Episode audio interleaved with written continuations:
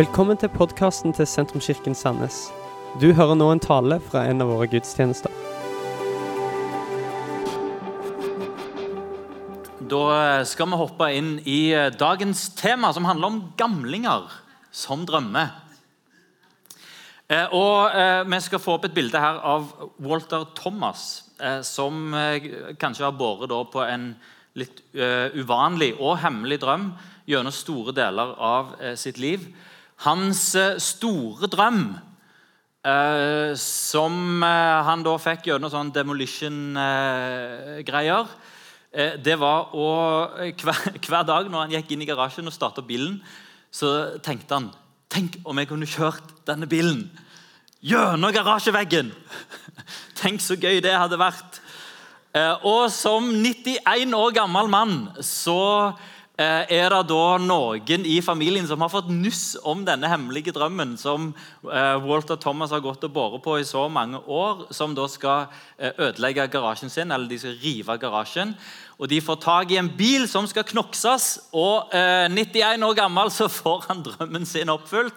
Han kjører gjennom garasjeveggen, eh, og det gikk bra. Og han, eh, du ser hvor lykkelig han er eh, som 91 år gammel mann eh, som eh, da får kjøre med bilen gjennom garasjeveggen. Akkurat nå, så i disse dager, så skal amerikanerne velge mellom drømmen til to menn.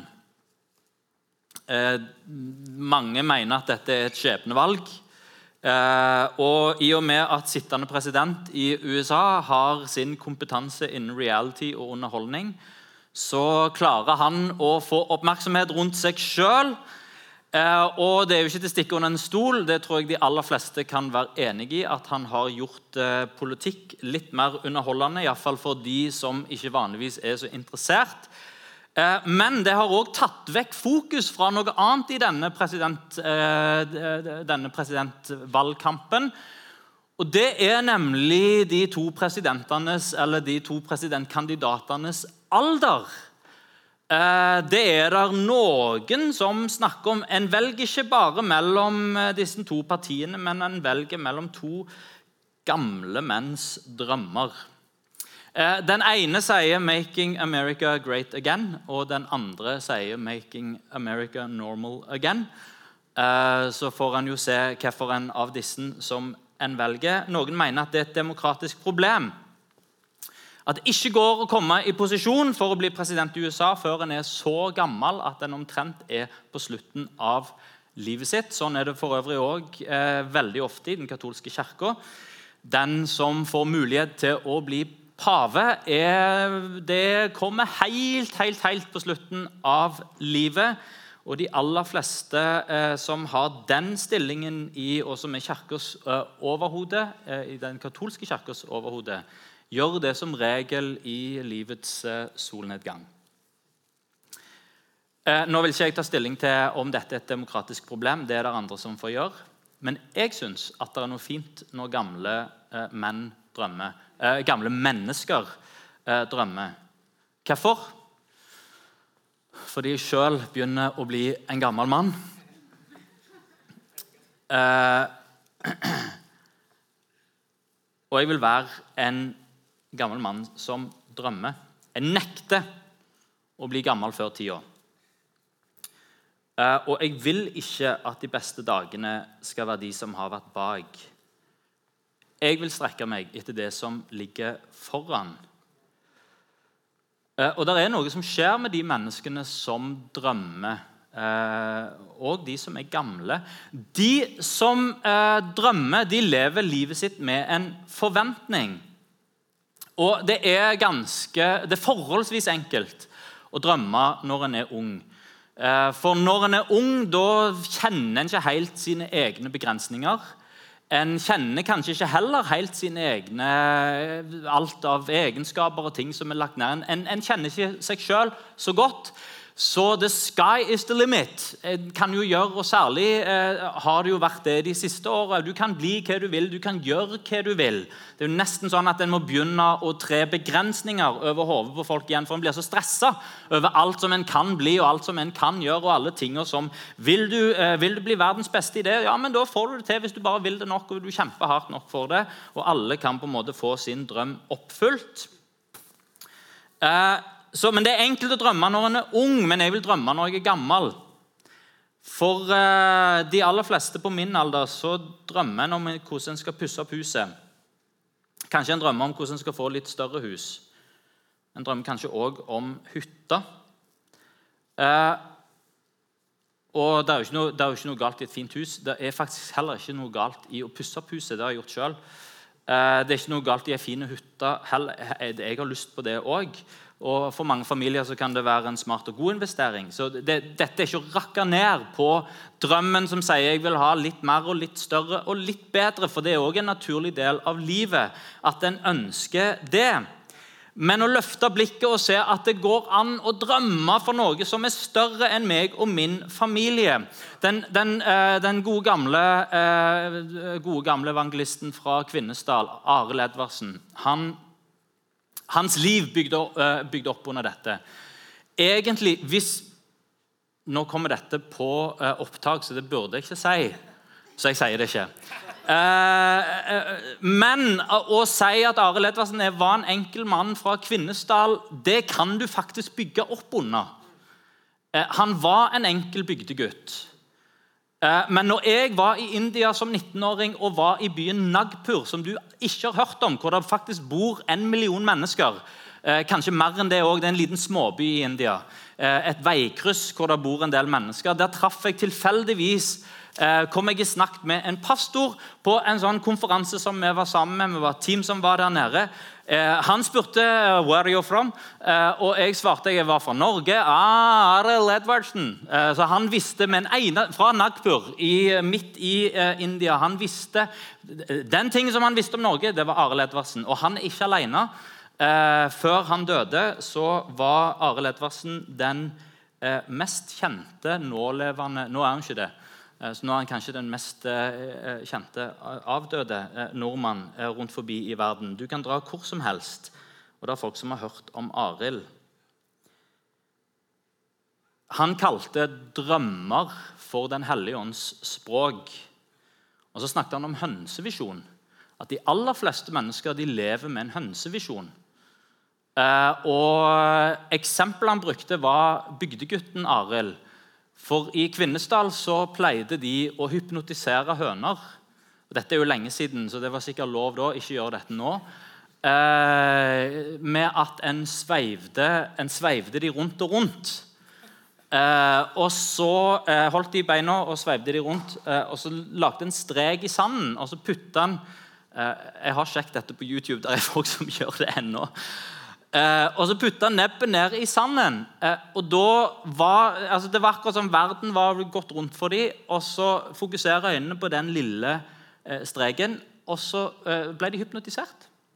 Eh, og blir værende med nebbet i sanden.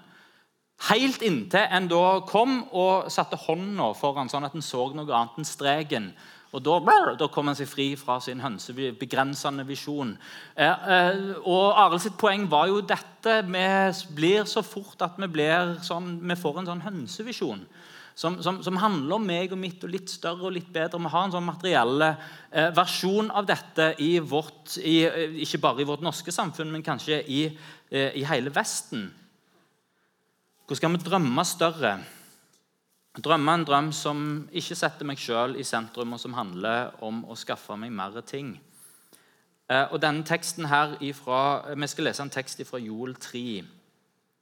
Den handler om gamlinger som drømmer. En, eh, Joel 3, vers 1-5. En gang skal det skje at jeg øser ut min ånd over alle mennesker. Deres sønner og døtre skal profetere, de gamle skal drømme drømmer, og de unge skal se syn. Sjøl over slaver og slavekvinner vil jeg i de dager ut, øse ut min ånd. Jeg vil sette varsel på himmel og jord, blod og ild og røyksøyler. Sola forvandles til mørke og månen til blod før Herrens dag kommer, den store og skremmende. Da skal hver den som påkaller Herrens navn, bli berga. For på Sionfjellet og i Jerusalem skal det finnes en redning som Herren har sagt, og blant de overlevende er de som Herren kaller gamle menn som drømmer. Paulus han sier i Filippane 3, 13, Mine søsken, jeg tror ikke om meg sjøl at jeg har grepet det, men en ting gjør jeg. Jeg glemmer det som ligger bak, og så strekker jeg meg etter det som er foran. Eh, og Det er jo kanskje et vers som hvis en har hørt noen prekener, så har en hørt det noen ganger. Og En tenker kanskje om Paulus som en ung mann, ja, men en ung og fyrig mann som, som, det er lett for han eh, å glemme det som ligger bak, og strekke seg mot det som ligger foran. Men Paulus er ingen ung mann når han skriver dette. Han er i slutten av 50-åra sannsynligvis. Eh, og sitter da mest sannsynlig i husarrest i Roma. Ikke veldig sånn hva skal han si, uh, omgivelser som gjør at du føler nå, nå drømmer jeg. Uh, drømmer om framtida. Uh, ikke bare det, men Paulus har bak seg en fantastisk karriere som kirkeplanter og som misjonær og masse fantastiske historier om Guds trofasthet og om mirakler og om ting som skjedde, og kirker som han har planta, og eventyr han har vært med på.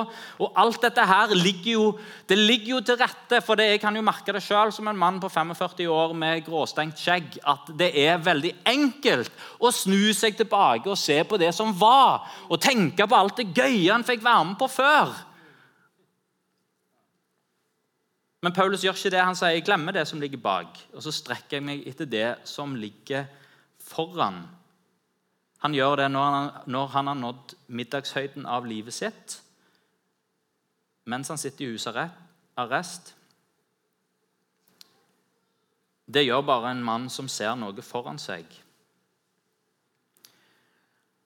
Jeg vil se foran meg og drømme. Jeg vil at det som er foran, skal være mer inspirerende enn det som er bak. At det som er bak, ikke tar blikket vekk fra det som ligger foran. Nå er det ikke bare gamle menn som, drøm, som drømmer, men eh, gamle damer drømmer òg. Det står i Lukas 2, 36-38 Det var ei kvinne som var en profet, Anna, Fanuels datter, av Ashars stamme. Hun var langt oppe i åra, og som ung hadde hun vært gift Hør på den setningen. Som ung hadde hun vært gift i sju år. Det er en, sånn, det er en roman på åtte ord. Eh, hva, er, hva, hva, skjer her? Eh, hun var 84 år. Hun hadde siden levd som enke til hun nå var 84 år. Hun forlot aldri tempelet, men tjente Gud i faste og bønn natt og dag. I samme stund kom hun også fram og lovpriste Gud, og hun fortalte om barnet, altså Jesus, som hun da traff, til alle som venta på frihet for Gud Jerusalem. Langt opp i åra, 84 år gammel. Hadde vært gift som ung, kun syv år. Altså det, det, går det an å skrive sannsynligvis ei bok om. Hvorfor har hun da, Men hun levde som ei enke. Hvorfor gjorde hun det? Eh, var det noe der det, det, det, må ha vært en ung kjærlighet. Eh, kanskje var det ingen som kunne ta plassen til, til, til ektemannen som hun ble enka ifra all grunn til å se tilbake og se på det som det fantastiske som jeg kommer fra. Det fantastiske som jeg opplevde i min ungdom. Den store kjærligheten, alt som var. Men i høy alder Hun forlot ikke tempelet, hun tjente Gud i bønn og faste. Og Hennes blikk var faktisk ikke på det som var bak, men det var på det som lå foran. Og når hun ba, så så hun barnet Jesus, og hun snakket til alle de som venter på frihet for Jerusalem. Ei gammel dame som drømmer, og som ser framover. Gamle som drømmer, det er inspirerende for unge mennesker. Foreldre som drømmer, er inspirerende for ungene sine. Eldre i, de eldre i menigheten, og nå tenker jeg ikke kun på de som er over 70, men eldre i menigheten som drømmer, det er inspirerende for de som er yngre Eh, og I kirka er det dessverre en lei tendens til at eh, når en blir eldre enn 50, så trekker en seg litt tilbake, viser seg litt sjeldnere, tenker at min tid er kanskje eh, forbi. Kanskje den synlige tjenesten som en har hatt, den er ikke der lenger. Og så tenker en de yngre kan ta over, så trekker jeg meg litt vekk. Eh, da tenker jeg det er en misforståelse av hva det vil si å være, eh, å være kirke.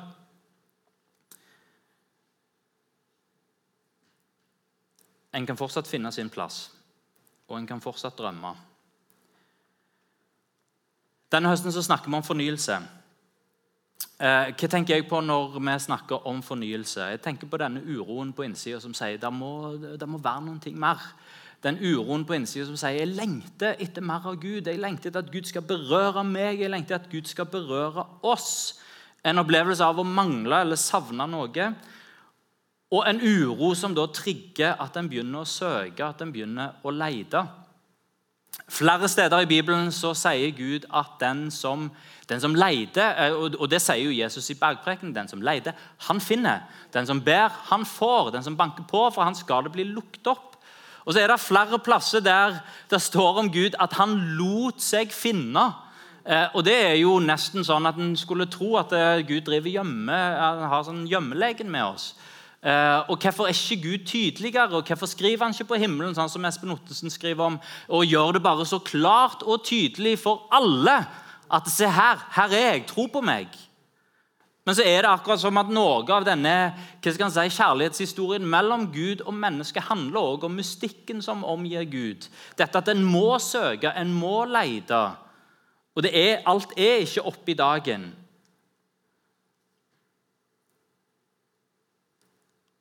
Og Når vi ber om og når vi preker om fornyelse, så håper jeg at det kan trigge hos oss en søken og en sånn leid. Ja, jeg vil, jeg vil finne Gud. En personlig søken etter Gud og en, sånn, og en søken etter Gud i fellesskap òg. Som trigger lidenskap, og som trigger engasjement, som trigger glede og energi, og som trigger nye drømmer. Når det er en frisk drøm, da er det et friskt engasjement, da er det frisk lidenskap, og da er det friske glede. Jeg har noen gode venner i Tessaloniki, Tommy og Gunilla Naumann. Eh, og de må jeg si, de er noen av mine eh, store forbilder. Ikke nødvendigvis fordi de er så ekstremt dyktige. Eh, for jo, de er dyktige òg, men hvis jeg skal plukke en sånn yndlingsforkynner, så er Tommy veldig langt ned. Håper ikke Tommy at du hører på dette. På, ikke hør podkasten vår, Tommy. Eh, da er Tommy langt nede på lista. Det er eh, og, jeg vet det er strategiske ledere som er mye dyktigere enn en, eh, han og Gunilla er. Men de er store forbilder likevel. Eh, en av de første gangene jeg var, var, sammen med de, vi var på teamtur i Tyrkia, Istanbul, sa Tommy, eh, jeg var i midten av 20-åra, sa Tommy Tommy, jeg vil være med deg på alt. Så jeg sprang rundt med han inn i taxier og kjøpte togbilletter her og eh, snakket med en hotellvert der. og Spurte og grov og prøvde å få ut litt sånn visdom innimellom. Bare ut ifra sånn Det som han der driver på med, det er inspirerende. Det har jeg òg lyst til å drive på med når jeg er eh, når jeg er gammel som han. han har lev, de, de, har bygd Guds rike gjennom et helt liv, levd et spennende liv. Eh, bodd i Skopje i Makedonia, bodd i Wien og jobbet blant eh, karismatiske katolikker. Planta et husfellesskap i Sverige, eh, og nå i Hellas, eh, hvor de etter hvert jobber med muslimske flyktninger. Eh, Og Det som fascinerer, er da ikke de unike talegavene eller unike ledergaver, men at en våger å drømme på ny. Og Tommy og Gunilla de nærmer seg 70 begge to. Jeg lurer på om de har blitt 70 òg. Og de sier i dag at vårt liv er mer spennende enn noen gang.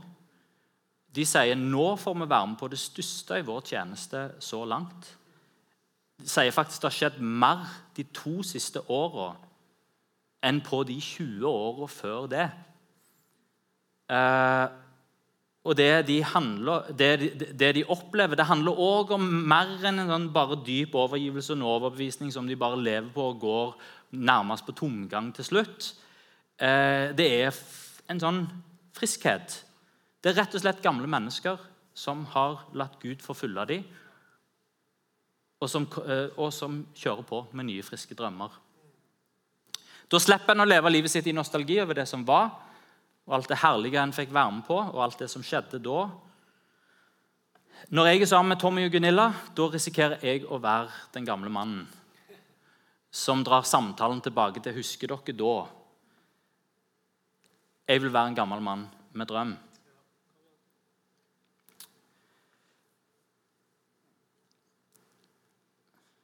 Og så er det jo Sannheten om livet vårt det er jo òg at eh, livet vårt er ganske kjedelig på jobb nå.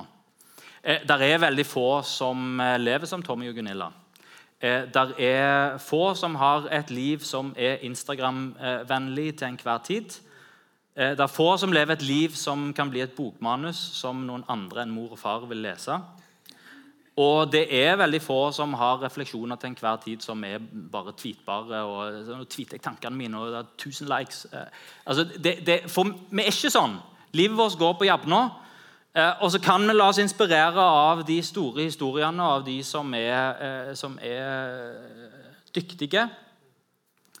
Og så trenger vi da å finne ut av hvilke forventninger skal vi ha til livet. Kan vi drømme? Er det lov å drømme når livet mitt egentlig er på jabbene. Kan vi drømme når det at en drømmer og en tenker stort om det som ligger foran, gjør at fallhøyden for det som en lever i nå, det blir òg mye eh, større?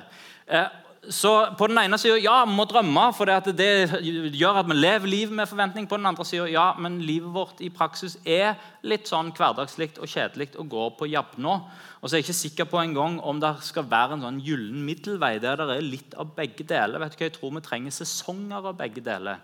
Jeg tror vi trenger sesonger av å løfte forventningene. Jeg tror vi trenger sesonger av å drømme på ny og tenke uten begrensninger og si 'Gud, fyll meg med nye drømmer for livet mitt'. Og så trenger en sesonger der eller En trenger ikke sesonger, men en får sesonger der ting går i grus, og der det er ting som knuses og som må lappes sammen igjen.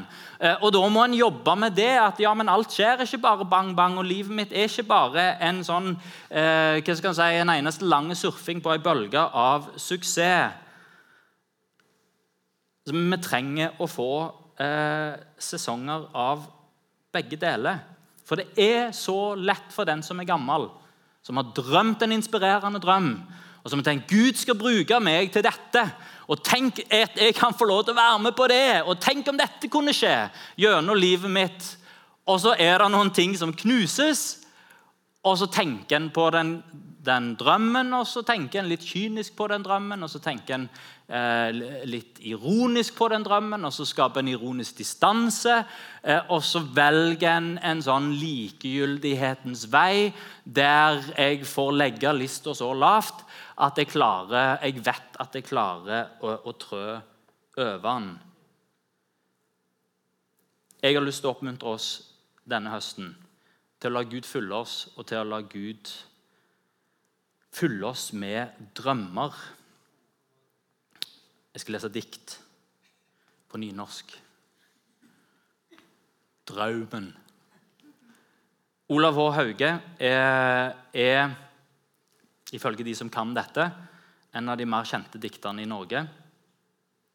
Eh, og Han er også lest av vanlige mennesker som ikke er så interessert i lyrikk, som jo er ca. noen og 90% kanskje. Et av hans dikt ble kåret til det beste norske diktet gjennom tidene. ble skrevet i 1966.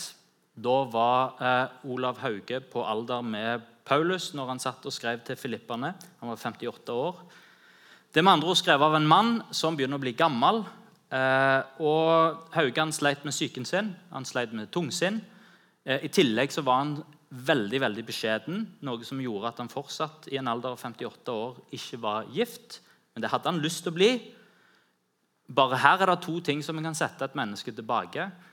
Jeg sliter med tungsinn og med psyken, og jeg har lyst til å bli gift, men jeg er for beskjeden. Eh, jeg får det ikke til. Eh, da kan en velge å sette seg tilbake med ironisk distanse og kynisme i møte med livet. Men det gjorde ikke Olav Hauge. Han setter seg ned og skriver Norges vakreste dikt. Et dikt som sies å leve sitt eget liv i etterkant, og som folk Og han sa dette Meningen får du legge i det sjøl, så det har betydd enormt mye forskjellig for forskjellige folk som har lest det. Diktet er 'Draumen vi ber, på'. Nå skal det sies Jeg liker ikke nynorsk så godt, selv om jeg hadde det i første klasse på, uh, på Rosseland barneskole. Jeg synes det er krevende å lese på nynorsk, Men det gjør seg som dikt, selv om jeg ikke er så flink til å lese dikt. Det er den drømmen vi ber på, at noe vidunderlig skal skje. At det må skje, at tider skal åpne seg, at hjertet skal åpne seg, at dører skal åpne seg, at berget skal åpne seg, at kjelder skal springe, at drømmen skal åpne seg, at vi ei morgenstund skal glie inn på en våg vi ikke har visst om.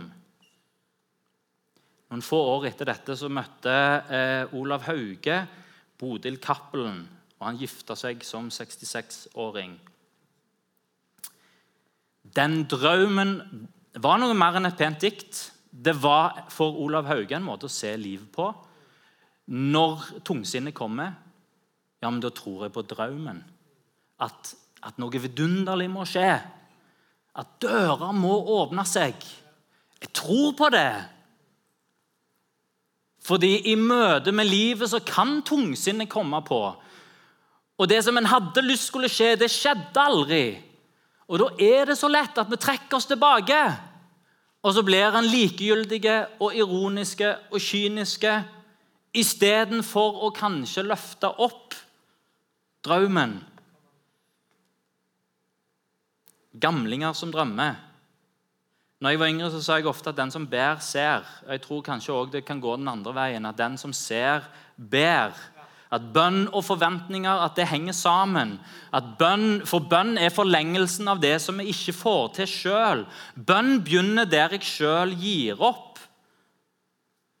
Det jeg får til sjøl, trenger jeg jo ikke be om. Det som jeg vet at ja, dette fikser jeg, eh, dette klarer jeg helt sjøl, ja, da ber jeg ikke. For jeg, jeg klarer det jo sjøl. Men når det er et eller annet i livet som jeg ikke fikser, et eller annet som jeg ikke forstår, et eller annet som blir for stort for meg, et eller annet som blir for vanskelig, ja, men der begynner bønnen. Det er når en har kommet til enden av seg sjøl. Og hvorfor ber en? Jo, for en, der er jo en forventning som ligger i bønnen. At Gud, du kan hjelpe meg i dette. Det som iallfall henger sammen, eh, er at eh, Bønn og det å bli fulgt av Den hellige ånd det er to ting som henger sammen. Og Dette profetiske ordet fra Joel det er jo en av de viktigste tekstene fra Gamle Testamentet, fordi han peker langt forbi den historiske konteksten som han er skrevet inn i, eh, og peker fram mot pinsedag. Og På pinsedag, når de usikre, nervøse disiplene som gjemmer seg i frykt etter, at, eh, etter Jesus sin død og oppstandelse, Eh, de samler seg til bønnemøte, et bønnemøte som varer den ene dagen og neste dag og dagen etter der, og de fortsetter å be. Det som de har, det er, eh, det er et enkelt ord fra Jesus om at dere skal få kraft i det Den hellige ånd kommer over dere. Og med forventning til at dette kommer til å skje, så møtes disiplene til bønn. Og de gir seg ikke før det skjer noe. Og Når de blir fulgt på pinsedag, så peker Peter tilbake på dette ordet og sier at dette er det som profeten Joel snakket om. At Gud ut, tømmer ut sin ånd, og at de gamle ser, eh, ser syner. og at de, unge, de gamle drømmer drømmer, og de unge ser syner.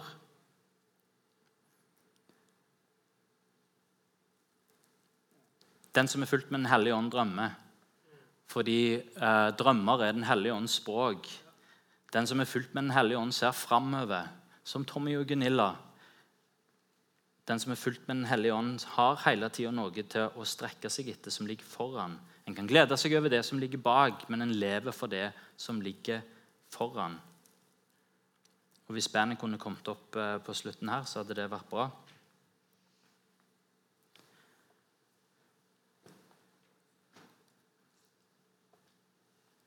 Den som drømmer, blir fulgt av forventninger.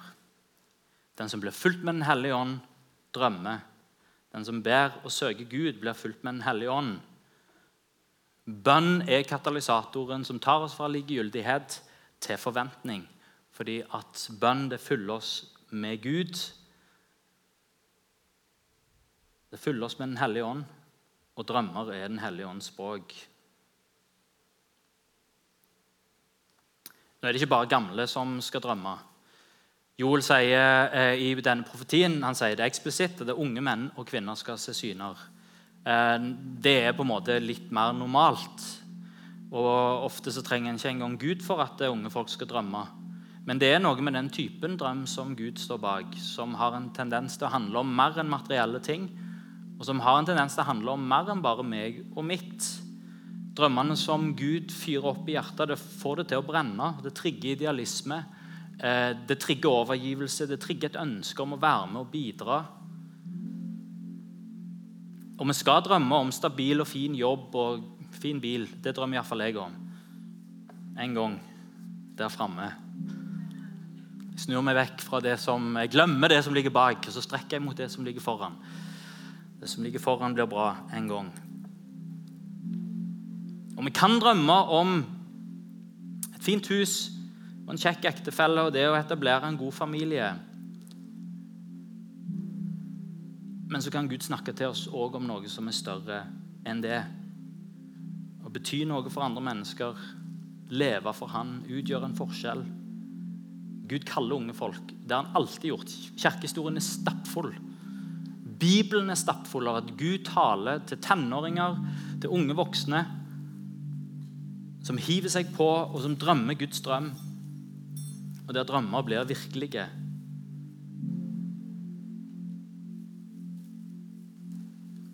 Og så har jeg lyst til å få med dette òg. At Joel han understreker at det ikke bare de gamle som, som drømmer, og de unge som drømmer. Eh, men eh, Gud vil utøse, tømme ut sin ånd òg over slaver og slavekvinner. Og Jeg begynte med å peke på Donald Trump og Joe Biden. Og Det er typisk når han snakker om drømmer. Så trekker en fram unike menn. Altså, du kan mene hva du vil om Joe Biden og Donald Trump, men begge to er unike, unike mennesker. Og Så trekker en fram disse unike menneskene. Barack Obama, Martin Luther King, eh, mor Teresa osv. Unike mennesker med en unik kapasitet. Se hva disse menneskene klarte å få til når de bare drømte en drøm. Nå kan det være, det kan være eh, En kan tenke på Ellen Musk. Han drømmer om å kolonisere Mars. Eh, og, og alt skal over på batteri, og bilene skal kjøre sjøl. Jeg, jeg hopper av Nei, jeg hopper ikke av, for jeg syns det er kjempeinspirerende. Men jeg klarer ikke å være med på de svære drømmene som han kommer med. Men vi drar så ofte fram disse her unike menneskene og deres unike, fantastiske drømmer. Og Så går alle på seminar med Petter Stordalen og tenker at de, ja, hvis jeg har gjort dette, så kan du gjøre det. Nei, det er ikke sikkert du kan det. For det er noen få unike mennesker som klarer å bygge et svært imperium på en drøm og begynner med å selge jordbær og ender opp med å eie eh, hundrevis av hotell. Men så sier Joel at de ubetydelige, de skal jeg tømme min ånd over. De som i menneskers øyne er ubrukelige, de som føler seg verdiløse, de som er mindreverdige, eller føler seg mindreverdige, men føler seg ikke så brukbare, som har et handikap, som kanskje bærer på eh, bagasje med seg, som blir holdt tilbake av ting i livet. De vil jeg òg tømme min ånd over. Så Gud inviterer oss til å drømme på ny. Gamlinger kan drømme. Unge kan drømme. De som føler seg ubetydelige, de kan nå bli fulgt av Guds ånd og drømme. Kan vi ta oss og reise oss?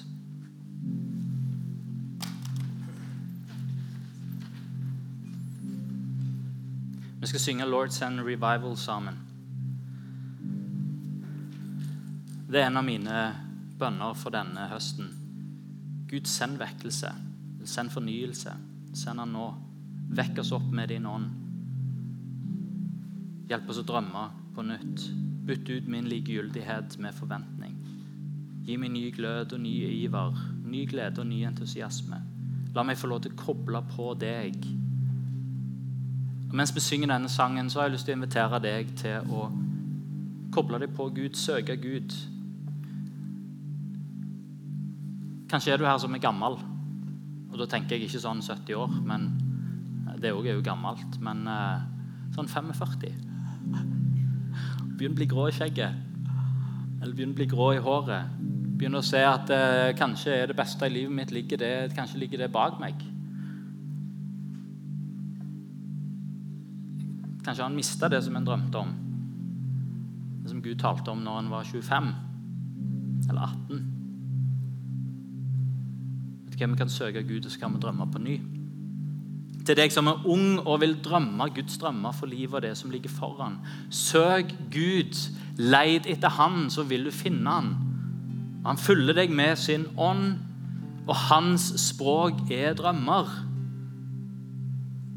La oss søke Gud her, la oss søke Gud hjemme, sammen med andre når en er alene. Så mens vi synger denne sangen, så kan vi gjøre det òg til ei bønn for livet vårt. Gud, følg meg på ny, og la meg drømme på ny. Lukk gjerne øynene, så ber vi sammen før vi begynner å synge. Takk, Herre Jesus, for at du er her. Takk at du er her ved din ånd, og takk at du taler til oss. Takk at vi kan strekke oss ut etter deg. Takk at du berører oss, Herre, akkurat der som vi er. Herre, jeg ber om at vi skal få bli fulgt med din ånd igjen og igjen, Herre. Ber Herre Jesus om at eh, vi kan få lov til å drømme på ny. Ber Herre om at du gir oss nye, friske drømmer. Herre Jesus, jeg ber om at vi kan få lov til å strekke oss ut etter det som du har for livet vårt. Leve livet med forventning, Herre. Leve livet med lidenskap.